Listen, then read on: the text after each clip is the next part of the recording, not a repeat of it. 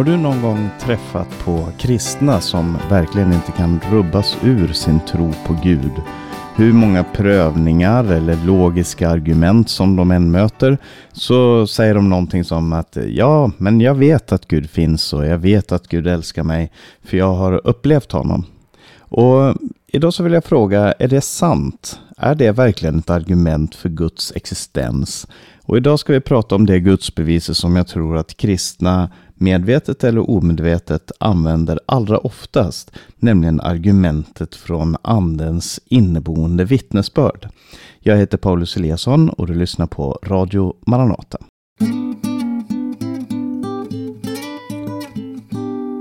Under några veckor så har jag försökt presentera olika logiska argument för Guds existens. Vi har pratat om det kosmologiska, det ontologiska, det teleologiska argumentet och allt vad de nu heter. Och du som har lyssnat eh, kanske har tyckt att det har varit intressant, men du kanske har tyckt att det inte har varit så intressant. Kanske du tänker att ja, men, jag behöver inte alla de här argumenten för Guds existens. Jag behöver inte alla de här logiska grejerna. Det, det är inte riktigt min grej. För att för mig så existerar Gud utan alla de här argumenten. Jag, jag, blev inte frälst för att jag hörde en massa argument. Och det, var inte, det är inte så jag heller lever mitt kristna liv. Och ehm, det, det är sant att de allra flesta kristna eh, inte upplever Gud på det sättet som, och inte kommer till Gud på det sättet som jag har eh, talat om tidigare. Det, det är nog inte jättemånga, i alla fall inte majoriteten, som har kommit till Gud för att de har hört logiska argument. Eh, det kan vara med på att bryta ner eh, motståndet mot Gud, men det som jag tror framför allt har fört människor till Gud har varit en personlig erfarenhet av Gud. Så om du har tänkt så här så är det här programmet för dig. Och det är också för dig som kanske är ateist eller agnostiker och tycker att kristna men de är hopplösa för de låter sig inte rubbas av dina superbra argument mot Guds existens som du har hämtat från en meme på Reddit eller från en bok av Richard Dawkins eller någonting liknande. Hur kommer det sig att kristna är så självsäkra? Det ska vi tala lite grann om idag. För att det finns någonting som många kristna talar om och det är, som jag sa, andens inneboende vittnesbörd. Det är någonting som finns på insidan för att eh, använda, ja, för att eh, uttrycka det enkelt. Det är någonting som Eh, när Gud föder en människa på nytt, när Gud gör sitt frälsningsunder, så som vi kristna tror att Gud gör, så eh, låter han sin heliga ande bo i människor. Och eh, därför så får vi ett vittnesbörd i oss, alltså någonting inom oss som säger att jo men det här är sant. Det, det liksom resonerar med det som vi har på, eh, med det vi själva upplever. Och det här står det om i Bibeln, till exempel så säger aposteln Paulus i Romarbrevet kapitel 8 och vers 16 så här Eh, anden själv vittnar med vår ande att vi är Guds barn. Och det första anden här, det är Guds heliga ande eh, som han har gett till alla de troende. Eh, som Jesus talar om i, i Johannes evangeliums tredje kapitel, där han säger att man blir född på nytt av Guds heliga ande. Så den här Guds heliga ande vittnar med vår ande som är, ska vi säga, vår inre människa, det som inte är det fysiska av vår människa, utan det som är eh, den, den eh, eh, ja, det, vår identitet, det vi är, inte bara biologi, utan den själ eller den ande som vi bär på. Det, så, så den heliga ande ger ett vittnesbörd till vår ande att vi tillhör Gud. Och då måste det ju naturligtvis Gud också finnas. Eller som Johannes säger i första Johannes brev, och det brevet handlar väldigt mycket om det här att veta att man tillhör Gud, att veta att man eh, har ett förhållande med Gud. Och där säger han i det femte kapitlets tionde vers, den som tror på Guds son har vittnesbördet inom sig. Och det här är samma tanke som det Paulus hade i Romarbrevet 8. Ande vittnar med vår ande. Här säger han vittnesbördet har vi inom oss. Och med vittnesbörd det skulle man kunna översätta med bevis eller övertygelse. Och det är det här vittnesbördet som kristna då hänvisar till när de säger att de har haft eller att de har en upplevelse av Guds existens som är starkare än något annat. Alltså många kristna kan ha haft en upplevelse av Gud, till exempel vid helbrägdagörelse eller när de blev frälsta. Att de kan ha haft en stark upplevelse i historien, alltså någonting har hänt i mitt liv som har gjort att, eh, att jag tror på Gud. Men det kan också vara så enkelt som att Eh, eller inte enkelt, det kan också vara på det sättet att man varje dag har en upplevelse av Gud. Alltså att jag i detta ögonblicket har en inre övertygelse av att Gud finns, att han är verklig. Och det här är ett vittnesbörd som kan vara olika starkt i olika personer. Ehm, en del, för en del kristna så är det här en väldigt viktig del och en väldigt stor del av deras förståelse av, av ehm, livet tillsammans med Gud. Medan för andra så kanske det inte är lika viktigt. Men, men det kan vara avgörande också för många kristna. Till exempel, jag är ju själv just nu när jag spelar in det här i Rumänien. Och Rumänien var fram till år 1989 under en våldsam kommunistisk regim. Och när jag säger våldsam så menar jag inte att den var väldigt kommunistisk, men jag menar att den var eh, våldsam helt enkelt. De eh, tor torterade kristna, den, den rumänska Securitate torterade kristna och eh, eh, det fanns en del av den eh, rumänsk kommunistiska ideologin som också härskade ganska mycket i Sovjetunionen på den här tiden. Eh, som var att eh, om man torterar människor nog så kommer de eh, sluta tro det de tror på. De kommer att bli goda kommunistiska samhällsmedborgare om man bara torterar dem nog. och det, och under de omständigheterna så är det naturligtvis svårt att vara en kristen. Framförallt kanske om man inte har tillgång till biblar, man har inte tillgång till att kunna samtala med de största och förnämsta kristna filosoferna och läsa deras böcker och förkunnare och så vidare. Man har inte tillgång till alla de här sakerna utan man är väldigt ensam. Och samtidigt så möter man de här argumenten ifrån andra, Eh, ifrån kommunistiska partiet och deras, eh, eh, de som står i ledtåg med dem och alla de här argumenten mot Guds existens. Och under de omständigheterna så var det ändå många som bevarades i sin tro, helt enkelt därför att de hade den här upplevelsen som gjorde att de inte kunde förneka Guds existens eller Guds kärlek. Och den bar dem igenom väldigt många olika omständigheter, väldigt många olika eh, motgångar eh, och ifrågasättanden ifrån andra. Och framförallt bland så kallat karismatiska kristna, alltså de som tror starkt på den heliga andes verksamhet i den enskilde kristnes liv, så kan det här ofta vara en stor del av deras kristna identitet. Jag själv växte upp i Maranataförsamlingen eh, och jag hörde ofta vittnesbörd när man sa saker som Ja, men du behöver inte alla de här logiska argumenten, för du kan få uppleva Gud personligen. Och andra, andra som sa, ja men om du får smaka på det himmelska, om du verkligen får uppleva någonting av vem Gud är, så kommer du aldrig falla bort ifrån Gud. Det blir så starkt i ditt inre att det är det enda du behöver. Och Eh, även om jag tror att logiska argument faktiskt har sin plats och, och, har sin betydelse, så är det sant att man inte kan räkna bort den personliga erfarenheten av Guds närvaro i ens liv. Man kan alltså inte säga att ja, men vi behöver inte den här personliga erfarenheten, Gud är bara ett, eh, helt enkelt ett faktum, han finns verkligen eh, och jag kan bevisa det på det här och det här och det här sättet, någonting annat behövs inte. Utan om Gud verkligen finns, och om han verkligen låter sin heliga ande flytta in i människors liv så är det ganska självklart att man som kristen kan uppleva att Gud bor på insidan. Och det intressanta är att det här, även det här är faktiskt ett gudsbevis. Det är ett logiskt gudsbevis faktiskt. Ehm, även om de som ofta använder det här i sin förkunnelse eller i sitt vittnesbörd säger att vi behöver inte logik, vi behöver bara uppleva Gud.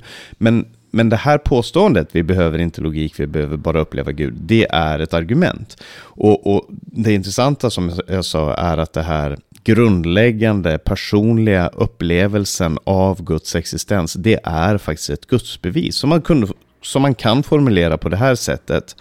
För det första, om Gud finns så kan han uppenbara sig genom ett starkt inre vittnesbörd om sin existens hos dem som han vill göra så med. Det är helt logiskt, om Gud finns så kan han göra de här sakerna.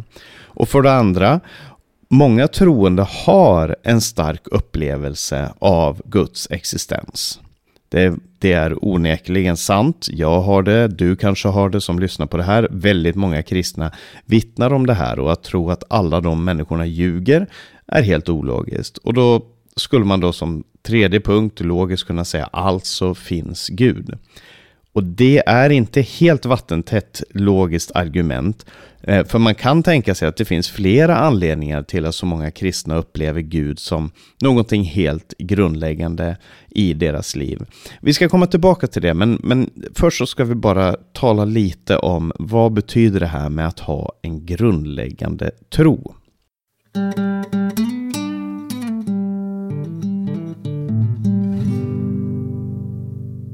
Låt oss prata lite om grundläggande tro, för att det är inte bara det att vara kristen och tro på Gud som, som är en sån här grundläggande tro. För vi bygger alltid vår identitet ifrån olika upplevelser som blir våra erfarenheter. Och du som lyssnar på det här programmet, du kan se på rummet du har omkring dig, med mindre du är blind, så ser du olika saker runt omkring dig. Eh, du kan också känna på dem, lukta och smaka på saker som du har i din närhet. Och det skapar en upplevelse av att allt det du ser är äkta. Du kan ta på det, du kan känna på det, eh, du kan eh, se det, du kan lukta det, du kanske kan höra det och så vidare. Eh, och och, så, så tänk dig då att det kommer in någon där du är just nu, om du är i ett rum eller ute. Det kommer någon och säger att nej men du, du hallucinerar bara. Du är inte där du tror att du är. Du går inte där du går, du sitter inte där du sitter. Hade du trott på det med en gång? Om någon hade sagt, ja men du, den här, det här bordet, den här stolen, den här eh, boken, det här som du har runt omkring dig, allt är bara en illusion. Jag tror inte att du hade trott på det med en gång. Kanske du hade nypt dig i armen eller gjort någonting liknande för att försäkra dig om att du inte drömmer. Men till syvende och sist så hade du antagligen sagt att nej, jag har ingen anledning att tro att det jag ser, det jag känner, det jag upplever inte är sant. Så det är en grundläggande tro hos dig och mig, trots att vi egentligen inte har bevis för det, att världen runt omkring oss existerar att den faktiskt finns där. Vi kan bara vara en hjärna i ett vakuum någonstans som har alla de här äh, upplevelserna av saker och ting. Men det finns ingen anledning att tro det, att det vi upplever inte är sant. Och därför så håller vi det sant, även om det skulle kunna vara fel. En annan sak är att du och jag, vi minns saker som hände för fem minuter sedan. Du minns att du för en 13-14 minuter sedan eh, slog på den här podcasten till exempel. Du skulle kunna vittna om det i en rättegång och även om minnet hos många människor sviker och minnet kan, kan lura oss, vi kan, eller vi kan lura vårt minne rättare sagt.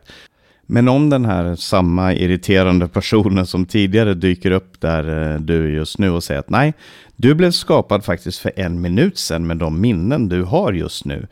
Eh, allt du har upplevt hittills, det finns bara i ditt huvud. Så är faktum att ja, det kan vara sant. Rent teoretiskt, det kan vara så att du eh, skapades, att jag, du och jag, vi, vi hamnade här för en sekund sedan med alla minnen om allt vi har upplevt. Men tror du det? Kommer du acceptera det bara för att någon säger det, bara för att det är en teoretisk möjlighet? Nej, antagligen inte, för upplevelsen den grundläggande upplevelsen av att världen runt dig existerar, den är så stark att den behöver någonting mycket, mycket starkare än äh, en irriterande person som kommer och säger det. Eller egentligen mycket starkare än, än väldigt många bevis också som man kan komma med. Du kan komma med väldigt starka bevis mot det här utan att jag rationellt ska säga att Nej, men, då, då tror jag att det, att det är sant, att det inte finns någon värld runt mig eller att det inte finns någon historia.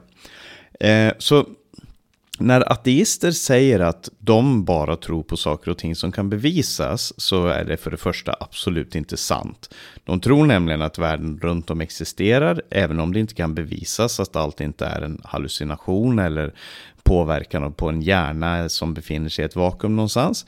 Man kan heller inte bevisa att världen inte skapades för fem sekunder sedan.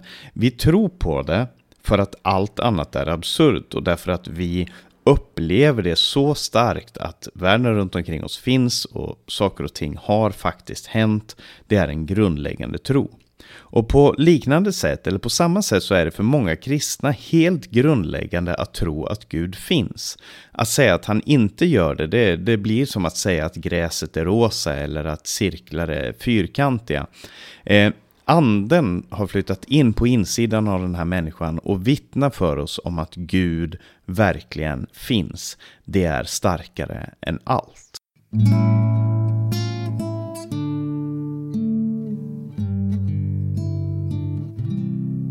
Men så finns det naturligtvis motargument också. För så här enkelt kan det ju inte vara. Och om du har lyssnat på det här och är lite kritisk så kan du ju tänka på, ja men vad med alla andra religioner då? Finns det inte en massa religioner som hävdar samma sak, som säger att ja, jag upplever att alla finns, att Vishnu finns, att den guden eller den guden finns. Finns det inte en massa olika kristna grupper som säger samma sak? Eh, och svaret på det är ja. Eh, för det här påståendet om ett inneboende andens vittnesbörd, det är inte så framträdande som man kanske skulle kunna tro. Det finns framför allt hos bekännande kristna. Eh, och kanske framför allt hos karismatiska bekännande kristna, men hos de allra flesta faktiskt, så finns den här grundläggande bekännelsen, det här tror jag på därför att allt annat Eh, är absurt och jag har ett inneboende andens vittnesbörd. Eh, det finns också hos grupper som till exempel mormoner, som jag själv inte anser vara kristna, Eh, som, och de talar ibland om en varm känsla, som att det brinner i deras mage. Och, och, för dem så är det här ett vittnesbörd om att det de tror på faktiskt är sant. Eh, sen finns det också till exempel inom den islamska sufismen så finns det ett liknande eh, tal om, om att man upplever Guds närvaro och upplever Guds existens. Men men stort sett så är inte det här inneboende vittnesbördet ett så otroligt vanligt förekommande i andra religioner. Så det är inte så många som gör det här påståendet. Det finns andra anledningar till varför de tror på sina gudar.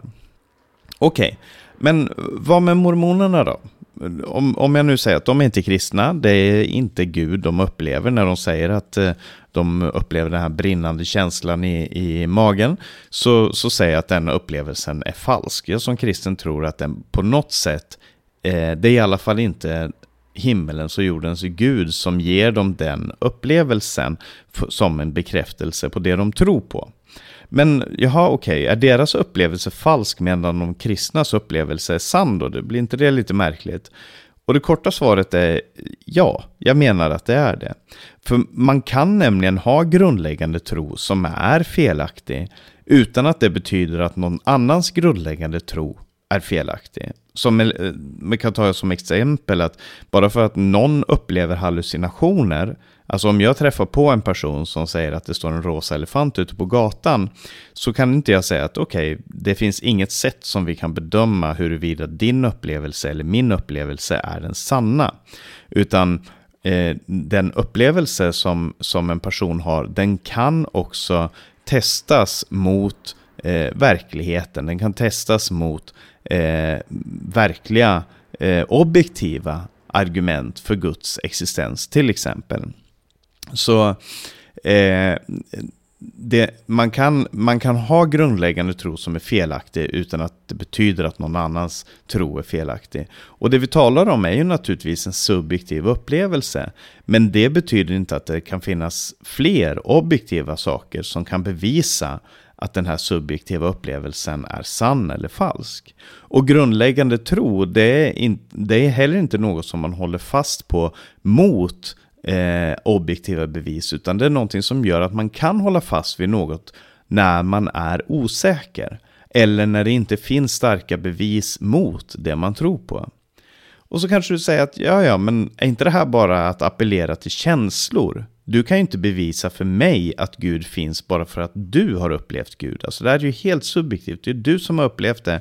Du kan inte säga till mig, ja, Gud finns för jag har upplevt det och därför borde du tro på det. Och det är sant det här är inte ett bevis framförallt för de som inte tror på Gud, utan det här är ett bevis för de som har fått uppleva Gud. Det här är anledningen, och det är det jag försökt peka på här, vad är anledningen till att kristna väldigt ofta är så starka i sin tro Även i situationer där man tycker att, ja men borde de inte ha släppt det här när de inte har liksom alla de här logiska argumenten på plats. Och man behöver inte ha alla de här logiska argumenten. För en kristen så behövs inte det, utan det andens vittnesbörd som finns, det kan vara så starkt att det trumfar väldigt mycket annat. Och Eh, eh, man kan ändå lyssna på de som talar om sin tro på Gud, sina upplevelser med Jesus och tillsammans med hur trovärdiga de här människorna eventuellt är så utgör det faktiskt ett vittnesbörd om att Gud faktiskt finns.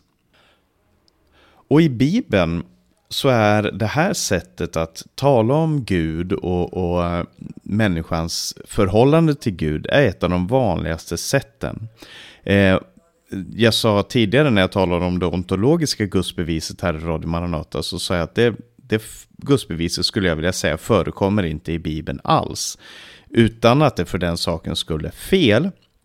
Så, så, men det motsatta är fallet med det inre vittnesbördet. Det är någonting som nästan alla karaktärer i Bibeln är med om. En del på ett starkare sätt där de ser Gud, de upplever hans närhet, de talar till honom direkt, de får tilltal. Men, men också på ett lugnare sätt som, som det här jag sa att den som tror på Gud har vittnesbördet inom sig. Och så, som en hjälp till dig som är kristen så skulle jag starkt vilja uppmuntra dig att söka de här personliga upplevelserna av Gud för att bli styrkt i tron. Det är vår kallelse som kristna att söka oss närmare Gud och ju närmare man kommer Gud, desto mer får man uppleva honom. Och jag skulle vilja säga det till dig som inte tror på Gud också, att vårt vittnesbörd är du kan få uppleva Guds närvaro i ditt liv. Otroligt många människor har fått uppleva det, inte bara de som tror, utan även de som inte tror, som har lett dem till en levande tro på Gud. De har de har eh, tidigare inte känt Gud, men så har de fått den här upplevelsen och det har förändrat deras liv. Och jag tror att du också kan få uppleva det om du söker Gud med ett ärligt sinne. Och det ska också sägas att för olika människor så kan den här starka inre övertygelsen se ut på väldigt många olika sätt. Eh, för mig har det varit att till exempel genom eh, skriften, alltså genom Bibeln, söka Gud, så har jag fått många upplevelser av Gud. Jag, jag upplever verkligen att när jag läser i, i, eh, Guds ord så talar Gud genom den heliga ande. Men jag har också haft starka upplevelser med Gud i gemenskap med syskon, i bönen, i naturupplevelser och, och, på många andra sätt. Bara häromdagen så lyssnade jag på en bok, det var en ljudbok, som var ett studium över psalm 23. Och någonting som författaren sa där grep verkligen tag i min ande och jag tror att det var den heliga ande som gav mig det här vittnesbördet som en, som en tröst och en hjälp för mig. Som var så stark att jag i min ensamhet började gråta och, och, och, tacka Gud. Och det var en väldigt stark upplevelse på många sätt. Inte, inte en upplevelse som inte kan förklaras på något annat sätt än att Gud gjorde det, men som för mig blev en, som en hälsning ifrån Gud. Och för dig som lyssnar på det här så kan det här se väldigt annorlunda ut. Alltså eh, en del, som vi kristna brukar säga att en del människor upplever Gud i stormen medan andra upplever honom i en stilla susning. Eh, vind kan vara så många olika sätt, eh, kan uppträda på så många olika sätt, men eh, luften är ändå nödvändig för att vi ska överleva. Att andas är nödvändigt för att vi ska överleva. Och, men vinden kan uppträda både som en storm och som en susning. Eh, och Gud vet vad du behöver, om du behöver en storm eller en susning i ditt liv. Eh, och samtidigt så ska det sägas, och det vill jag avsluta med att säga det här att för en del kristna så är det här inre vittnesbördet inte lika starkt. Och det behöver inte nödvändigtvis bekymra dig. För Gud ger dig det du behöver för att bevaras i tron. Den heliga ande jobbar på olika sätt för olika människor för att göra oss mer lika Jesus. Men jag vill verkligen föreslå för dig och uppmuntra dig att söka Gud eh, och söka den personliga gudsupplevelsen. För det kommer göra dig starkare i din tro. Och det absolut bästa sättet, den bästa platsen att söka Gud, det är vid Jesu kors. Att läsa om vad han har gjort där, att be över det som Jesus gjorde för dig. Att eh, tänka på det, att, att verkligen se upp till honom som dog och uppstod för dig och mig. Att eh, tänka på Jesus Jesus Kristus, att fästa blicken på honom och få, då, då kan du få det här inre vittnesbördet starkare i dig som bevarar dig i din tro på Jesus. Gud välsigne dig.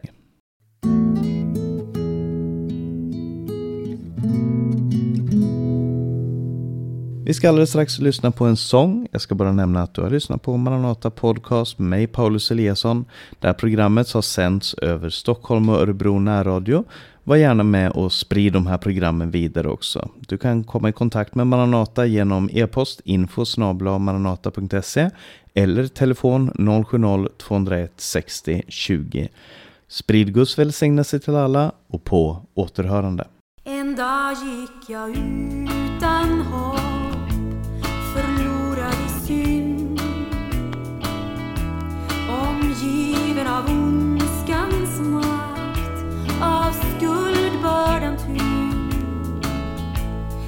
dag ljuset lyste fram, Kristus mig fann.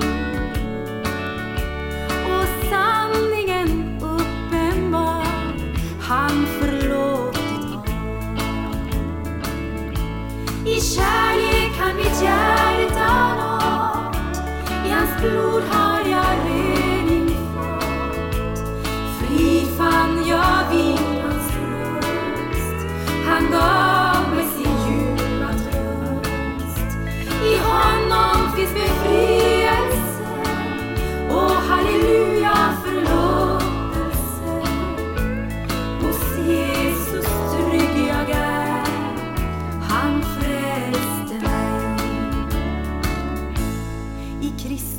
jag blivit fri.